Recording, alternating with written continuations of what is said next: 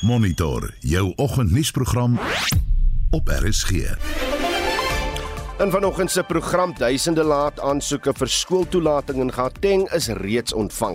Die regering waarsku vakansiegangers teen hondsdolheid wat in minstens 4 van ons provinsies versprei. En 'n landbouekonoom sê die agteruitgang van biosekuriteit eh, het hou ernstige gevolge in vir die ekonomie. Welkom by Monitor vanoggend onder redaksie van Jean Estreisen. Ons produksieregisseur is JD Labeskagni en ek is Udo Karelse. Sterk 10 minute na 6. Die polisie in die Wes-Kaap het die ontplooiing van meer as 600 nuwe polisie-rekrute in Kaapstad oor die feesseisoen verwelkom. Die groep is deel van 10000 rekrute wat reg oor die land geplaas sal word. Uh, die provinsiale polisiekommissaris Tembekile Patakile sê die rekrute sal in 12 brandpuntgebiede soos Nyanga, Mitchells Plain en Khayelitsha ontplooi word om geweldsmisdade te bekamp. Joan Marie Verhoef het vir ons meer besonderhede. Die onlangse misdaadstatistiek toon dat moord met meer as 5% in die Wes-Kaap afgeneem het. 8 van die top 30 polisiekantore landwyd waar die meeste ernstige kontakmisdade in die laaste kwartaal aangemeld is, is egter in die Wes-Kaap. Die provinsie sal 2600 nuwe polisierekrute ontvang, waarvan 680 lede in hoë misdaadgebiede op die Kaapse vlakte ontplooi sal word. Die provinsiale polisiekommissaris, Tembikile Patekile, sê hul doelwit is om die strate veiliger te maak. They will be working with experienced members and also to ensure that they are quick learning because we do not have time to go into the book and check what must we do. You have to make a decision in the split of a second to ensure that you assist and you act according to the law what you learned. Die Weskaapse minister vir polisie oorsig en gemeenskapsveiligheid, Regan Allen, het die nuwe rekrute verwelkom, maar sê die provinsie het 'n geweldige tekort aan polisiebeamptes.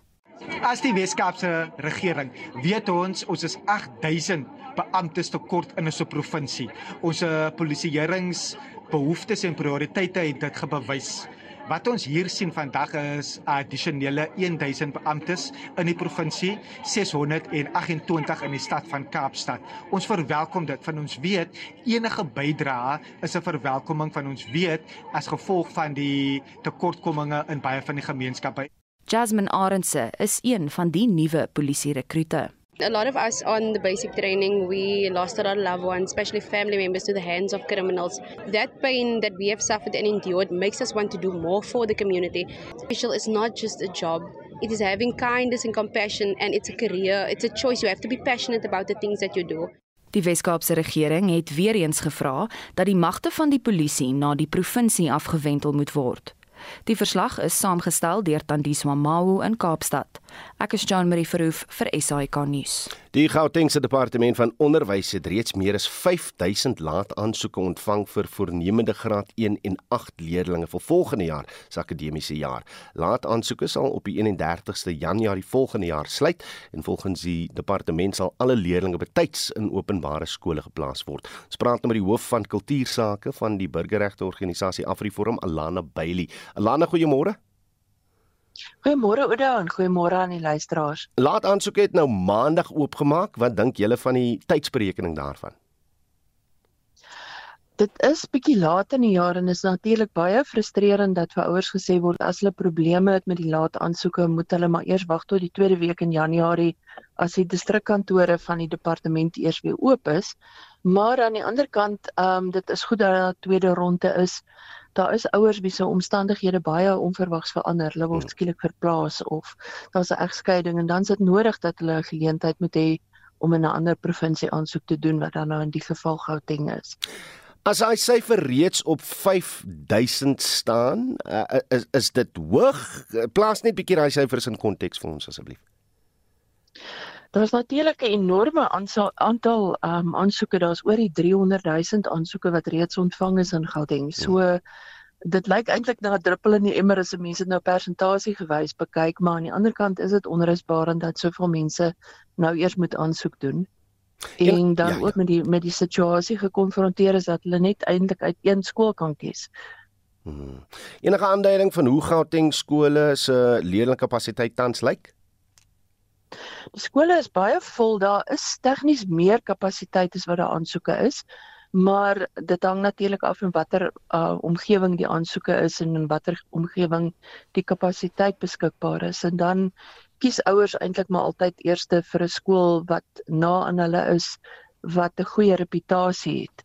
Dis as die die departement in gebreke bly om skole wat nie presteer nie aan te spreek, dan skep dit groter druk op die skole wat wel presteer. Praat bietjie met hierdie ouers wat nou aan sig gedoen het. Wat moet hulle in gedagte hou as dit kom by die plasingsbeleid van die departement en as hulle nou nie regkom met hulle voor, voorkeurskool nie, wat dan? Ongelukkig is daar nou net beperkte aantal ehm um, plasingsopsies moontlik. So hulle gaan 'n lys kry, daaruit kan hulle net een skool kies. Hulle kan nie meer as een skool kies nie en dan oombliklik word die kind geplaas in daai skool wat hulle kies. As hulle dan beswaar het, kan hulle wel appel aanteken. Dit word binne ek dink um, as ek reg onthou 14 dae afgehandel. Hmm. En dan is die, die ander baie belangrike ding dat hulle dan van die 17 Januarie af moet seker maak dat die skool van hulle keuse of die skool wat aan hulle toegewys is dan nou al hulle dokumentasie kry wat maar geboortesertifikaat van die kind, ehm um, die ID van die ouer en bewys van van ehm um, adres is. En net so laaste vraagie, as daar probleme is met leerlingkapasiteit as ons 'n tydraam uh, raamwerk van die afgelope 5 jaar vat, hoeveel nuwe skole is gebou? Hoeveel uh, leerlingkapasiteit is is bygevoeg in die stelsel? Bitter weinig en en volgende jaar sien ons dat daar twee primêre skole en um een sekondêre skool geopen word terwyl daar eintlik baie baie meer skool um opsies nodig is. Die probleem is dan soos ek sê nie so seer dat daar nie skole is nie, maar dat baie van die skole disfunksioneel is en dat die ouers nie hulle kinders daar wil plaas nie of dat die skole in areas is waar ehm um, daar op die oomblik minder aanvraag is en dat die areas wat hoë druk ervaar of nie skole het nie of nie spasie het vir nuwe skole om gebou te word nie. En dit was Alana Bailey, die hoof van kultuursake by AfriForum. Die departement van landbou, grondhervorming en landelike ontwikkeling maan vakansiegangers om bedag te wees op die voorkoms van hondsdolheid in 4 van ons provinsies. Die siekte tans atas die brein van diere en mense aan en sodra daar eers kliniese tekens is, is daar geen behandeling nie. Ons praat nou met dokter Didi Klasen, die ondervoorsitter van die Suid-Afrikaanse Hondsdolheidsadviesgroep van die Suid-Afrikaanse Veeartsenykundige Vereniging oor die kwessie. Didi, goeiemôre. Goeiemôre, Udo en luisteraars. Watter provinsies toon 'n toename in gevalle van hondsdolheid en uh, wat kan jy vir ons sê van hierdie syfers? Die toename is eintlik die regte woord, dit is die provinsies waar ons dit gewoonlik in hoër getalle sien. Ehm um, in die groot wil onderskeid hierdie tyd van jaar bekommernis dat ons op Suid-Afrika is maar die Oos-Kaap, ehm um, provinsie KwaZulu-Natal om as baie vakansiegangers in te gaan. Hmm. En dan ehm um, Limpopo en die Lesotho grens met die Vrystaat is waar ons gewoonlik ons toelaat of hoor getalle op syfers van ons toelaat sien. Maar ons toelaat bly probleem reg oor die land met die soort vier spreuke waar ons meer bekommerd is. Hmm. Hierdie tyd van die jaar vir al KwaZulu-Natal en die Oos-Kaap provinsie, wat almal gaan nou vakansie. Wat wat kan mense doen om hulle troeteldiere teen die siekte te beskerm? Is daar enigiets wat hulle kan doen? Ja, nee, dit dis 'n landwys, jy moet jou honde en katte in. Jy moet beleid in sport, dis hier in die groot is aan as die mense is wat nie report vir kan bekostig wat kan uitkom. So of enkel honde en katte dis die beste manier om dit te in jouself te beskerm. Hmm. Jy jy het nou gesê daar's nie juis 'n toename nie, maar daar is wel provinsies en gebiede wat bietjie meer kwesbaar is. Wat word agter die skerms gedoen deur die regering, deur kundiges soos julle om om seker te maak dat dat hy nie versprei nie? So ons het laas jaar die toename waarvan almal praat, ons het laas jaar in die Oos-Kaap 'n verskriklike groot uitbreek, groot in Suid-Afrikaanse geskiedenis gehad en hy begin nou afkom, maar dit beteken nie net dat hy louer is nie. Die staat en baie private instansies het ongelooflike groot um, intenskampanjes geloods um, om hierdie syfers af te bring. Um, maar ons sê dat dit is wat in Suid-Afrika so amper sê trek dit is altyd verdag wees, maar die staat doen ongelooflike groot werk met intenskampanjes en hulle word ondersteun deur ehm um, privaat uh, welstand ehm um, organisasies of ook die privaat sektor um, entiteite. En dit was dokter Didi Klaas en die ondervoorsitter van die Suid-Afrikaanse Hondsdolheidsadviesgroep van die Suid-Afrikaanse Veearts en Kundige Vereniging. Biosekerheid in Suid-Afrika gaan agteruit en nou ernstige ekonomiese gevolge in terwyl voedselsekerheid ook in gedrang kan kom.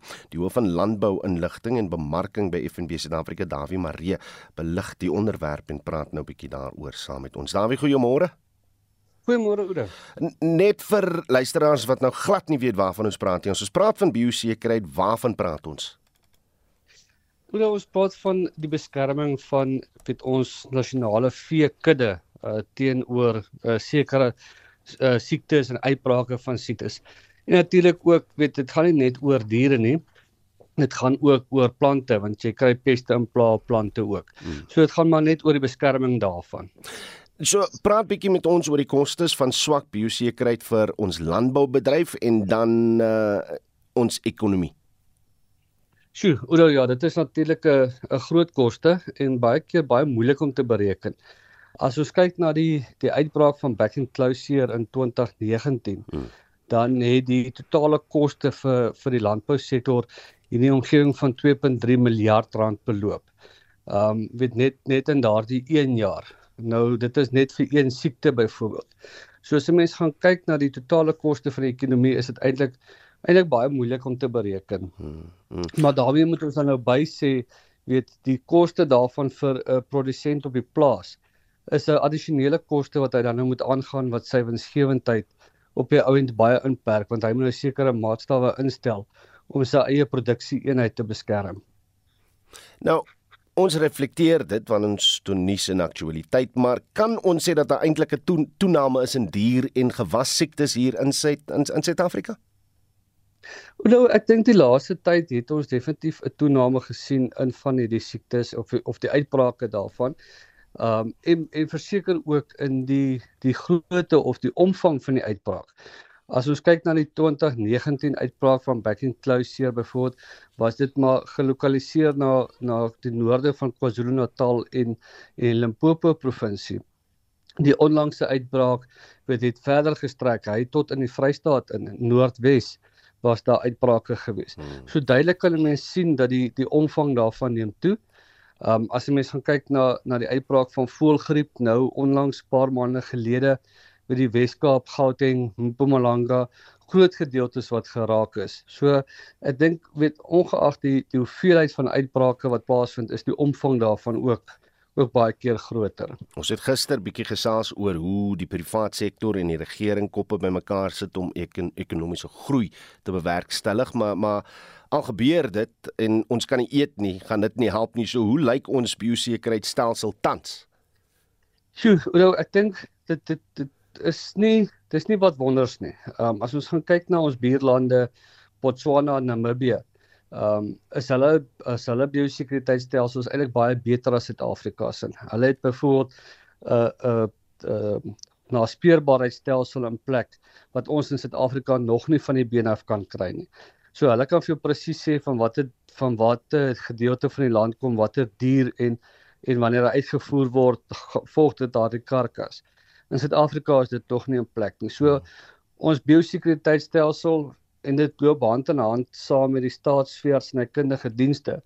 Ehm um, dink ek weet het het eintlik 'n baie groot hupstoot nodig om dit op standaard te kry. Nou daar wie wie val hier in hulle verantwoordelikheid want ons kan tog nie sê dit dit's 'n uh, gebrek aan geld nie. Nee, nou ek dink dit is dit dit is tweeledig. Ehm um, weet dis nie net die die die uh staatsveers en hy kundige dienste nie. Dis ook die privaat sektor en individuele boere wat verantwoordelik is daarvoor.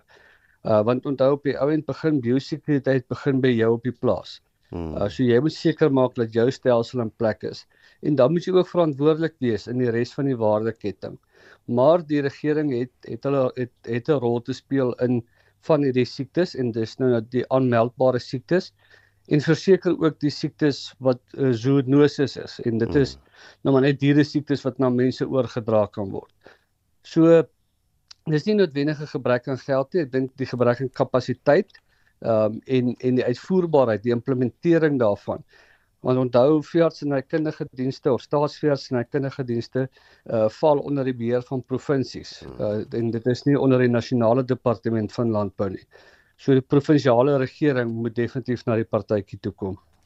Davie Marie is die hoof van landbouinligting en bemarking by FNB Suid-Afrika. Ek sê vir hom baie dankie vir sy tyd hier op Monitor.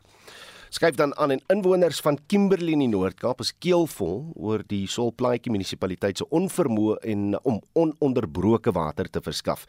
Die munisipaliteit het daagliks wateronderbrekings ingestel en in sekere gevalle het inwoners slegs vir 4 ure water, want Simofokeng berig. Die Solplaatjie munisipaliteit hou vol dat die gereelde wateronderbrekings onvermydelik is. Hy pak die skuld op verouderde waterinfrastruktuur. Inwoners is egter moeg vir die munisipaliteit se verskonings. Ek dink hierdie krisis gaan nog lank aangaan. Dit kom al 'n redelike tyd in. Hulle het ons beloof die probleme word gesolf, maar die water is net af aan die oggend as jy opstaan, is daar niks water hierdie dag, die water gaan af. Hoe sê hulle, hulle waarsku niks, hulle gee niks so. Daai dink jy dis 'n probleem as hulle nie nou Wakker is 'n probleem wat geopgelos gaan word. Waar meeste daar nie water nie. En water daandla wel en pick up mense wel ons ook die trollies alleen ook. Vyf baie stol maar aan meeste. Terwyl inwoners daagliks in sommige gevalle net vir 4 ure toegang tot water het, sê Kuza Bokachwi, die waarnemende munisipale bestuurder van die Solplaatjie munisipaliteit, dat dit 8 jaar gaan neem om die waterkrisis op te los. You can't time and time and again say the infrastructure is old, there's a water shutdown. We've got a facility from National Treasury, which is eight-year program, which has been divided into phases, the emergency phase that we are dealing with, where we are looking at the old and the new treatment plant. Die munisipaliteit sê wateronderbrekings in die aande sal onbepaald voortduur terwyl onderbrekings gedurende die dag na verwagting volgende week sal eindig. Maar alwaarvoor Kimberley se inwoners vra, is ononderbroke watertoevoer in hulle krane. Die verslag van Neria Sokatsa in Kimberley. Ek is Vincent Mufokeng. Kom ons bly by waterkwessies en die Olifantspoort wateraanleg is een van twee aanlegte wat water aan Polokwane in Limpopo verskaf. Die Lepelle Noordelike Waterraad wat die aanleg bestuur, sê uitdagings soos verouderde pompstelsels belemmer sy vermoë om water te verskaf. Boonop sukkel die aanleg om modderwater van die Mohlaletsi rivier te suiwer na die uh, onlangse reënval. Gevolglik is daar wateronderbrekings in dele van Gamaja en Seshego ingestel. Estie de Klerk doen vir ons ons verslag. Die woordvoerder van die Lepelle Noordelike Waterraad, Joe Makafola, sê die volume water wat die Olifantspoort wateraanleg daagliks na opgaardamme moet pomp, is nie genoeg om aan die vraag te voldoen nie. Daar is volgens hom verskeie redes hiervoor. The poor state of aging infrastructure leads to frequent breakdowns and excessive water losses and also excessive electricity consumption costs due to low pumping efficiency. We experienced the challenge of high, poor raw, muddy water from Mothalets River, especially during the rainy seasons, which can take up to two hours to pass through the obstruction point. In some instances, the demand far exceeds the supply. Die woordvoerder van die Polokwane munisipaliteit, Tipa Selala, sê wateronderbreking sal meer gereeld toegepas moet word. Any interruption in these uh, main sources adversely affects water supply across all areas within Bulogala municipality. Specifically, challenges with Oliphant Port Plant include pipe bursts on the Spekon line and frequent power dips impacting water supply. Makafola sê die waterverskaffer sal teen 2025 nie aan die vraag na water kan voldoen nie. The estimated demand in 2025 is 162 megaliters per day, including the city of Polokwane and supplies only 60 megaliters per day from Oliphant's port scheme. Demand in the year 2045 is expected to grow to 270.5 megaliters per day, with a deficit of 210.5 megaliters a day. The estimated demand in 2025 is 41 megaliters per day, excluding the city of Polokwane, supplies only 44 megaliters per day from the Ebenezer scheme. Die Lepelle Noordelike Waterraad het onlangs nuwe diensverskaffers aangestel om opgraderings aan die Ebeneser en Olifantspoort wateraanlegte te doen. Die verslag is saamgestel deur Rendani Ralipaswa. Ek is Estie de Klerk vir SAK nuus. Jy luister na Monitor. Elke weekoggend tussen 6 en 7. 28 minute voor 7 en hier is wat voorlê. Die Demokratiese Republiek die Kongo hou vandag sy algemene verkiesing en 'n kenner gee raad oor hoe om jou finansies oor die feesseisoen te bestuur. Bly ingeskakel hier op RSG. Reg. Is daar vandag vanoggend nou genoeg geld in jou bankrekening om deur die feesseisoen te kom en dan boonop genoeg geld om lekker behoorlik te kan leef in Januarie? En hoe doen jy dit? Hoe begroot jy vir die feesseisoen as ook Januarie? Spaar jy miskien bykomende inkomste soos 'n bonus of 'n 13de cheque? Wat is jou plan? Dis die vraag wat ons vanoggend vra en hier is wat van julle sê. Ek het geen worries in die wêreld nie. Daarom maak ek in Januarie maande 'n hengse klomp skuld. Dan gee dit vir iets vir die res van die jaar om te worry. Dan bly ek 'n bietjie besig. Met R2000 SASSA, hoe kan jy deurgaan vir Januarie? Ek kan nie eens my Kerskos koop nie. Ek kan nie eens my huur betaal nie. Ek kan nie behoorlik krag opsit nie. So hoe gaan 'n mens spaar vir Januarie? Ons maar sit en honger ly. Wat moet 'n mens nou maak? Ja, die feestyd is almal mos maar nou geneig om baie geld uit te gee. Maar ek het al my goedjies gekoop wat ek kan gekoop het. Dit was mos nou Black Friday. So my geldjies gaan mooi loop hier Desember. Januarie so daar's geen kopsere in my om te bekommerd te wees vir Januarie maand. Dis as nog genoeg in die kassie. Nee mooi so, ek's bly om dit te hoor en dame, ek hoor jou. Ek werk elke dag, maar ek voel nog steeds asof my baas Sassa is. Laat weet hoe dit daar by jou gaan, wat jou plan is vir die feesseisoen en van Januarie stuur 'n SMS na 45889. Dit kos jou R1.50 per boodskap of uh, maak soos hierdie mense gemaak het en stuur vir ons 'n lekker stemnota op WhatsApp na die nommer 076 536 6961. Shaun Justus lê nou ons aan met die jongste sportnuus. Môre Shaun. Goeiemôre Oudo. Suid-Afrikaanse span rig teen die muur. Hy's hy's 'n gevaarlike ding, né? Nee? Ja, die loting was my net so belangrik uh, geweest gister Oudo want ek sien voor gister se wedstryd was 5 van die laaste 6 wedstryd op St George's Park gewen deur die span wat tweede golf en gelukkig vir ons wen ons die lood. Dit word nou 6 uit 7. Nou in die eerste toe in die 11de perk nadat hulle ingestuur is om eerste golf en die snelbouers Nandreit Burger eindig met 3 paaltjies vir 30 lopies en Björn Hendriks wat die oggend voor die wedstryd eers oorskaap toe gevlieg het met 2 paaltjies vir 34 lopies. Uh, die Proteas eindig toe op 215 vir 2 met nog 45 balle oop. Dis na 'n vennootskap van 130 lopies deur speler van die wedstryd Tony De Zorzi met 119 nie uit nie en Risa Hendriks op 52 lopies. Die beslissende wedstryd van môre op Boland Park in die Parelplaas en ek sien ons vroue Protea span kom vanmiddag 2 op die JB Marks Oval in Potchefstroom teen Bangladesh in die tweede wedstryd van hulle reeks te staan. Die besoekers loop 1-0 voor. So kom ons op daardie reeks is ook gelyk op na vandag. Amen. Reg. Wie het gister die grootste Kersgeskenke gekry by die IPL veiling? Hoe doen ons kyk na die plaaslike spelers, die Protea Golden Ralliere Souls deur Punjab Kings vir 17.6 miljoen en die snelbouler Gerald Coetzee deur Mumbai Indians vir 11 miljoen rand opgerap. Tristan Stubbs en Andre Burger is deur Delhi Capitals en Rajasthan Royals vir 1.1 miljoen elk gekoop. En dan die Australiese Wêreldbeker wenners Mitchell Stark en Pat Cummins is vir 54 en 45 miljoen rand onderskeidelik deur die Kolkata Knight Riders en Sunrisers Hyderabad gekoop.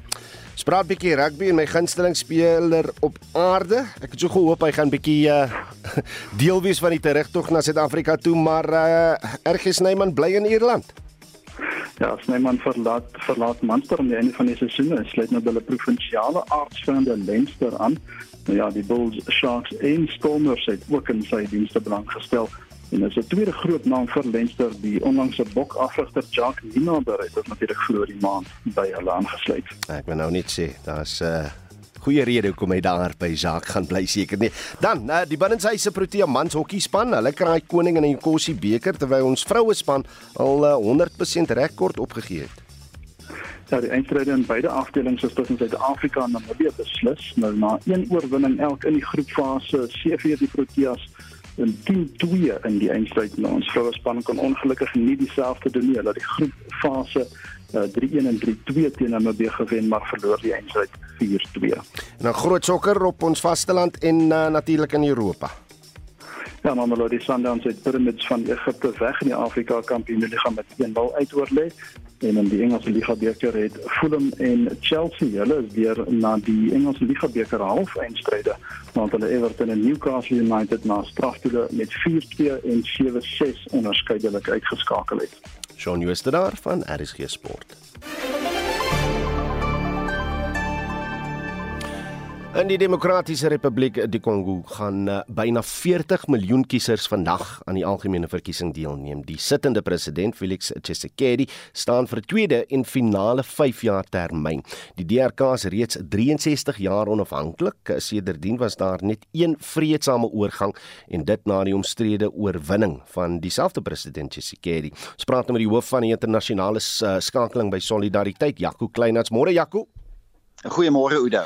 Voordat ons oor die verkiesing praat, daar's da baie Kongolese burgers hier in Suid-Afrika. Hoekom het hulle nodig om pad te gee uit die DRK na ander lande terwyl dit eintlik 'n baie mineraalryk land is en en eintlik ja, kos hy skatryk in talle natuurlike hulpbronne dan nie? Absoluut so Oudo, jy's heeltemal reg, jy weet, ehm uh die DRK is baie mineraalryk. Hy het 70% van die wêreld se kobalt, iets wat natuurlik baie belangrik is, ook soveel ander minerale. Onlangs 'n studie het gewys dat dit die land in die wêreld is met die grootste onontginde landboupotensiaal. 80 miljoen hektaar wat eintlik vir landbou gebruik kan word. Hy kan eintlik 'n landbouuitvoerder wees. Die land het baie potensiaal in bosbou en vissery en behoort eintlik ekonomies baie suksesvol te wees. Ons sien egter die teenoorgestelde teenoorgestelde. Dis een van die armste lande in Afrika, een van die armste lande in die wêreld. 60% van die DRK se bevolking leef uh, met minder as 2 uh, Amerikaanse dollar per dag in absolute armoede. Uh, dit is 'n land met 'n reuse bevolking van 102 miljoen mense. Hy het die sewende vinnig groeiendste bevolking in die wêreld. Met ander woorde, baie jong bevolking. En wat sien jy met soveel jong mense? Hulle kan nie werk kry nie en hulle soek dis 'n ander heenkome. Baie probeer noord beweeg, maar die noorde van Afrika Afrika is baie gevaarlik. Dis die roete na Europa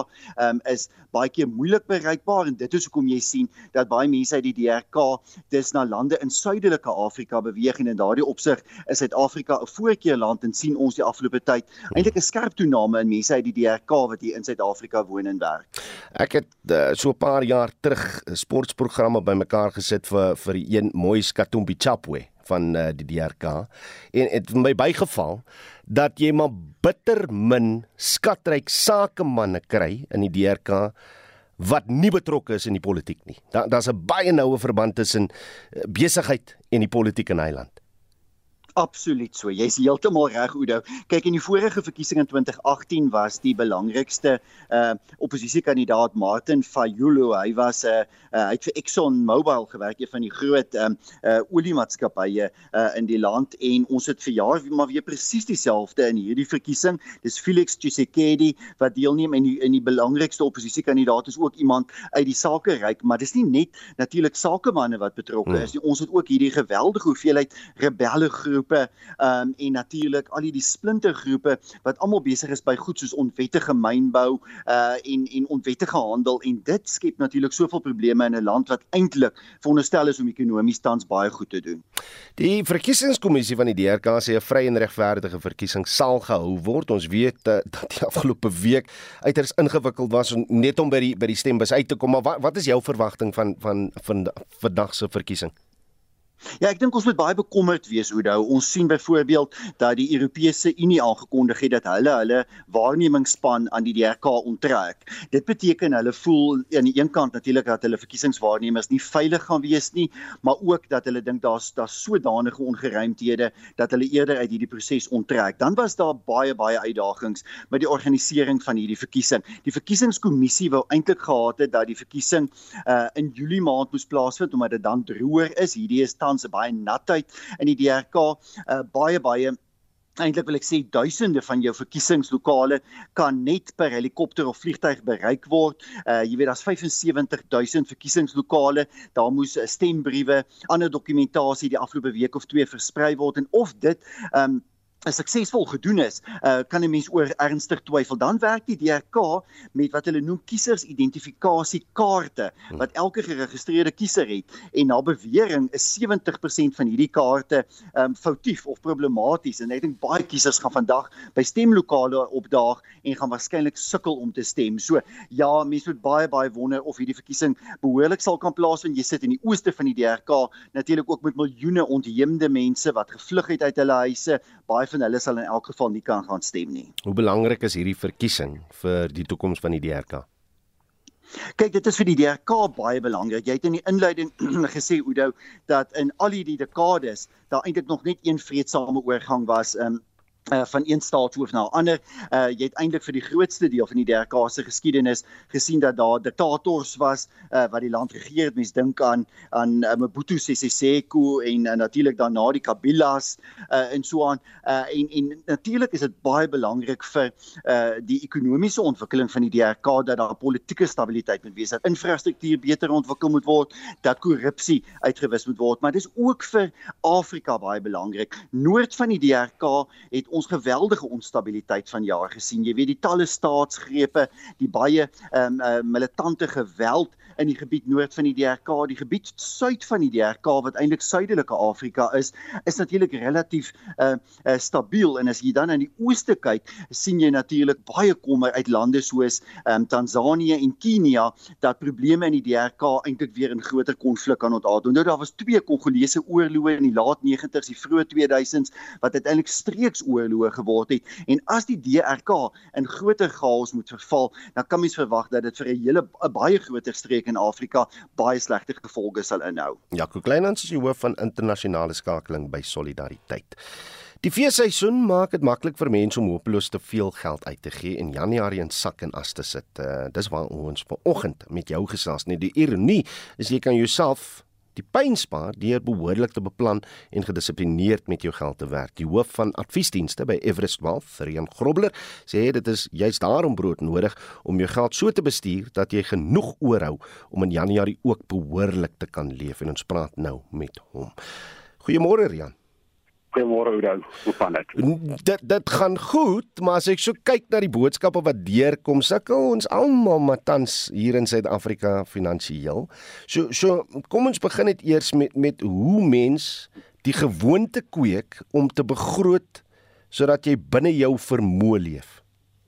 Kyk, ek dink dit is uh krities belangrik dat jy moet gaan kyk wat jy op 'n maandelikse uh, basis verdien en dan moet gaan bepaal wat kan ek uitgee? So dan moet jy gaan bepaal luister, wat moet ek betaal op my huis? A, B en C, al daai tipe van dinge um gaan begroot en sê dit is wat ek kan spandeer. En dan moet die mense ook gaan besef, dit is baie maklik om gou-gou hier ietsie uit te gee en hier sjokolade te koop en hier koeldrank te koop en al daai goeders maak 'n wesenlike verskil oor die einde van die maand. So wat ons gewoonlik sê is, kyk wat jy benodig en dan sit 'n klein gedeelte vir jou in 'n rekening om te sê, as ek net gou-gou ietsie wil koop, sit 'n gedeelte van jou salaris in daai rekening. Maar as jy gou iets wil gaan koop, gebruik net daai rekening en vinnig gaan jy besef hoe vinnig daai geld opraak.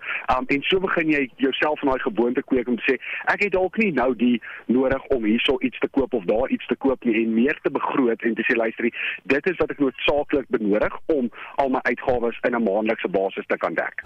Die die probleem vir ons almal is Rian. Die tyd van die jaar is dit moeilik om te onderskei tussen iets wat brood nodig is en iets wat ons bloot net wil hê. Ja, so ek dink as ons as ons daarna gaan kyk is um, ek gebruik ek wil nou nie op tone trap ek gebruik ja. 'n voorbeeld van 'n ketel. Um jy het nou 'n gasketel in jou huis. Die ene wat jy daar by die by jou lokale supermark gekoop het, werk 100% perfek. Maar nou omdat mamma en pappa en almal by jou kom kuier, nou voel jy dis brood nodig dat jy graag daai luukse luukse ketel wil hê wat 'n plaaslike prys kos want hy lyk mooi op die stoof. So dit is wat mense gaan besef. Dit ja, dit lyk mooi en al daai dinge, maar jou praktiese ketel, die een wat jy vir R200 gekoop gekoop het teenoor 'n R2000 ketel doen dieselfde gedeelte. Hy kook die water, hy maak dieselfde lekker koffie met die liefde wat jy gemaak het. So jy moet gaan bepaal is dit regtig 'n noodsaaklikheid om daai dierketel te hê um, teenoor net iets wat werk uh, of die luxe ketel te hê net teen iets wat werk om prakties vir die mense waarvoor jy lief is koffie te maak. En 'n luxe ketel gaan net daar staan as dit beerdkrag is en ons het nie krag om die ketel te kook nie, maar hoe dit ook al sê, dit dis sekerlik nie soos ek heel eers gesê het nie 'n gewoonte wat jy nou ewe skielik kan aanleer nie. Jy, jy tyd nodig. Uh, het jy raad oor hoe mense hulle self die gewoonte om te begroot oor 'n langer tydperk en in die nuwe jaar 'n uh, bietjie raad om om dit te begin aanleer? Ja. Kyk, ek dink dit is belangrik. Gaan sit in die begin. Niemand wil dit doen nie. Dis glad nie 'n 'n 'n lekker ding om te doen om te sê maar ek ek uh, boks myself in met dit wat ek kan spandeer nie. Maar dit is 'n noodsaaklikheid om dit wel te kan doen. En ek sê altyd vir mense moenie skuldig voel om vir iemand te sê luister ek kan nie nou uitgaan om saam jou uh, iets te gaan doen of al daai tipe dinge nie want dit begin 'n uh, massiewe bedrag op um, uh, bymekaar maak oor die oor die maand. As jy elke Vrydag, elke Saterdag uitgaan. So gaan kyk daar. Moenie skaam wees en sê luister, ek dit is nie vandag in my begroting nie. Ek kan nie dien daardie saam julle gaan nie. Ek sien julle volgende naweek. En so kan jy jouself begin inkrimp sê uh, begin lewe binne jou uh, begroting. En dan sal jy dadelik sien jy het meer en meer kapitaal aan die einde van die maand om sekere dinge te kan doen en dan jou volgende Desember gaan jy soveel meer geniet want jy kan sê ek het X bedrag bymekaar gemaak wat ek nie voor hoe skuldig te voel of in skuld in te gaan om iets te kan doen en ek kan die geld gebruik op myself of op my gesin om 'n goeie vakansie te hou. Reg. Wat haal Rian Grobler se top 3 op sy lys van onnodige skuld? Ja, onnodige skuld, uh, dis 'n moeilike ene. Um ek sal altyd sê, uh moenie onnodig skuld aangaan om ander mense um te beïndruk nie. Um dit is ek dink dit is 'n realiteit in ons samelewing wat ons uh, meer saamwerk, uh of vir meer saamleef. Um op moet op die skuld aangaan um om soos ja, ek weet dit is moeilik om te sê, maar om op vakansie te gaan nie. As jy dit nie kan bekostig nie, bly eerder hierdie jaar by die huis en gaan en gaan geniet geniet die dinge om jou. Um daar's soveel mooi plekke rondom ons um wat jy kan gaan sien. So gaan uh, gaan benut daardie plekke en gaan weer volgende jaar um, op 'n vakansie as jy dit dan kan bekostig.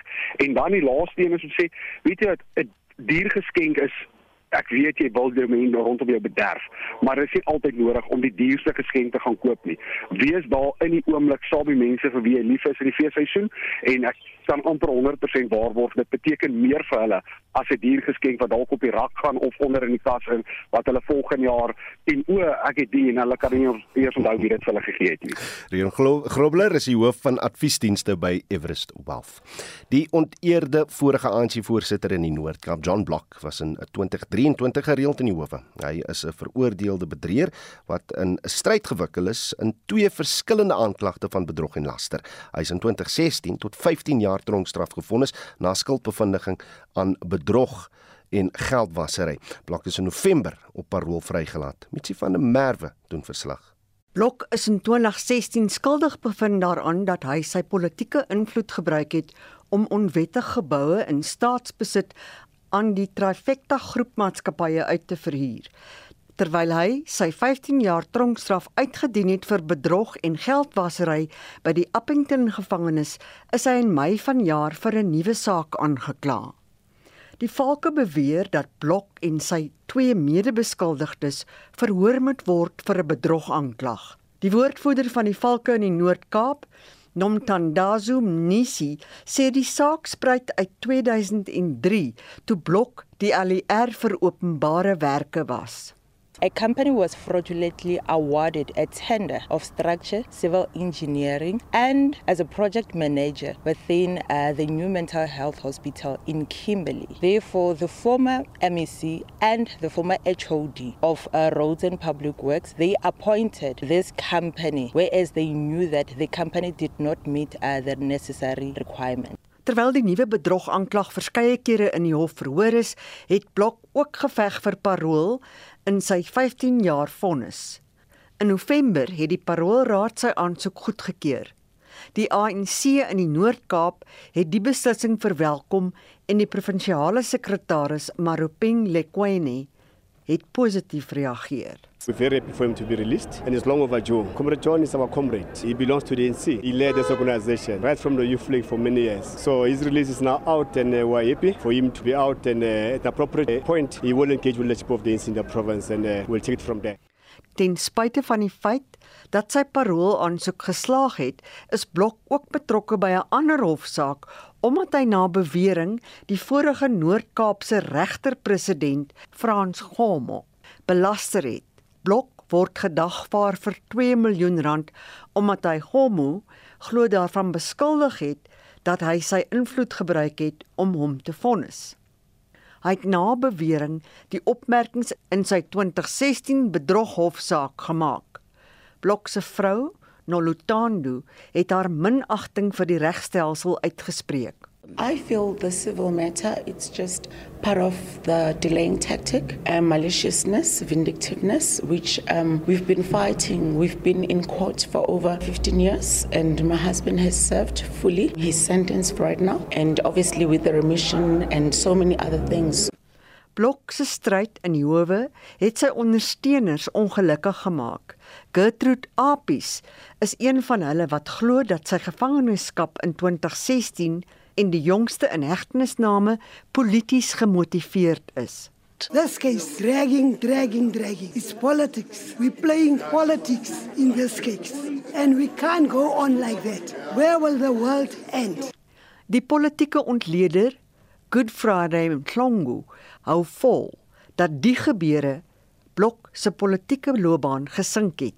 Politically speaking, Mr. John Block's career is actually over. You need to consider the fact that we're going for elections next year, and uh, by the time his parole ends in 2029, we will be heading towards our next election. He's a 55 year old, so technically he's out. There's no way the ANC can actually use him between now and 2029, even beyond, because he's got a criminal record. Block sal na verwagting die oorblywende tyd van sy vonnis onder korrektiewe dienste uitdien wat op 26 Junie 2029 verstryk. Hy en twee medebeskuldigdes in die onlangse bedrogsaak sal na verwagting in Februarie volgende jaar weer in die hof verskyn. Neria Lakotsa het hierdie verslag in Kimberley saamgestel. Mitsi van der Merwe SAK-nuus. Een van die gewilde Kersliedjies wat weer nuwe lewe gekry het is Rocking Around the Christmas Tree van Brenda Lee. Die liedjie was die afgelope 2 weke bo aan die Amerikaanse trefferparade 65 jaar nadat dit vir die eerste keer vrygestel is. Nou Rocking Around the Christmas Tree is egter nou in die nommer 2 posisie nadat dit deur Mariah Carey se All I Want for Christmas is You ontroon is. Maar kom ons luister na die Brenda Lee treffer.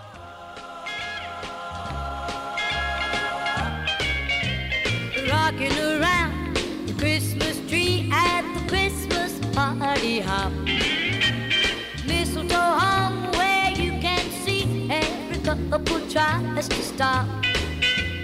Rocking around the Christmas tree, let the Christmas spirit ring.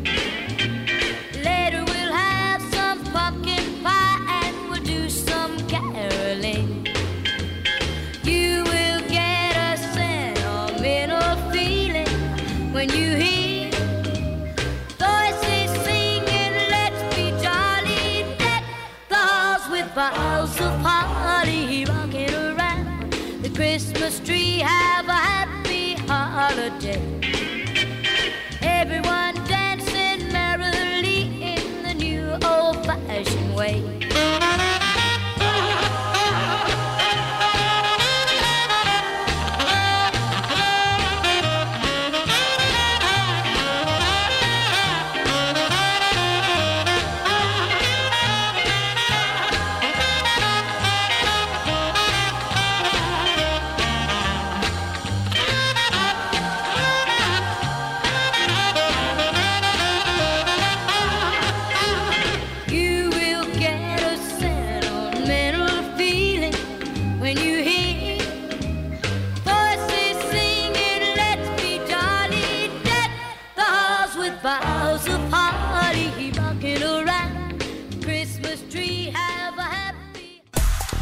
Ons 'n bietjie saamgesing daar met Brenda Lee se Rocking Around the Christmas Tree. Maar hoe dit ook al sê, die vraag wat ons vanoggend vra is, hoe kom ons finansiëel uit by die einde Januarie volgende jaar? En dit is julle advies. Ja, wat is dan nou nie duur nie. Ek het maar net oor die tyd wat alles so ekstra duur geraak het, het ek maar net geleer om af te skaal veral op die kos. Die kos is verskriklik duur. Ons kan nie sonder dit nie, maar skaal af. Geniet nog elke keer. Maak daai porsies kleiner sodat jy net gewoon kan raak. Jou maag maak die kos, jy maak alles, maar skaal die porsies af. Daar's 'n lekker advies. Stuur gerus nog uh op 45889 dis die SMS lyn dit kos jou R1.50 per boodskap of jy kan vir ons 'n WhatsApp stemnota stuur na die nommer 076 536 6961 Ons groet namens ons uitvoerende regisseur Nicoline Lou die redakteur vanoggend is Jean Esterhuis en ons produksieregisseur is Daitron Daitron Godfrey. JD Labeskag nie. Nie Daitron Godfrey hy's môreoggend weer terug en ek is Oudo Karel so op en wakker is volgende. Totsiens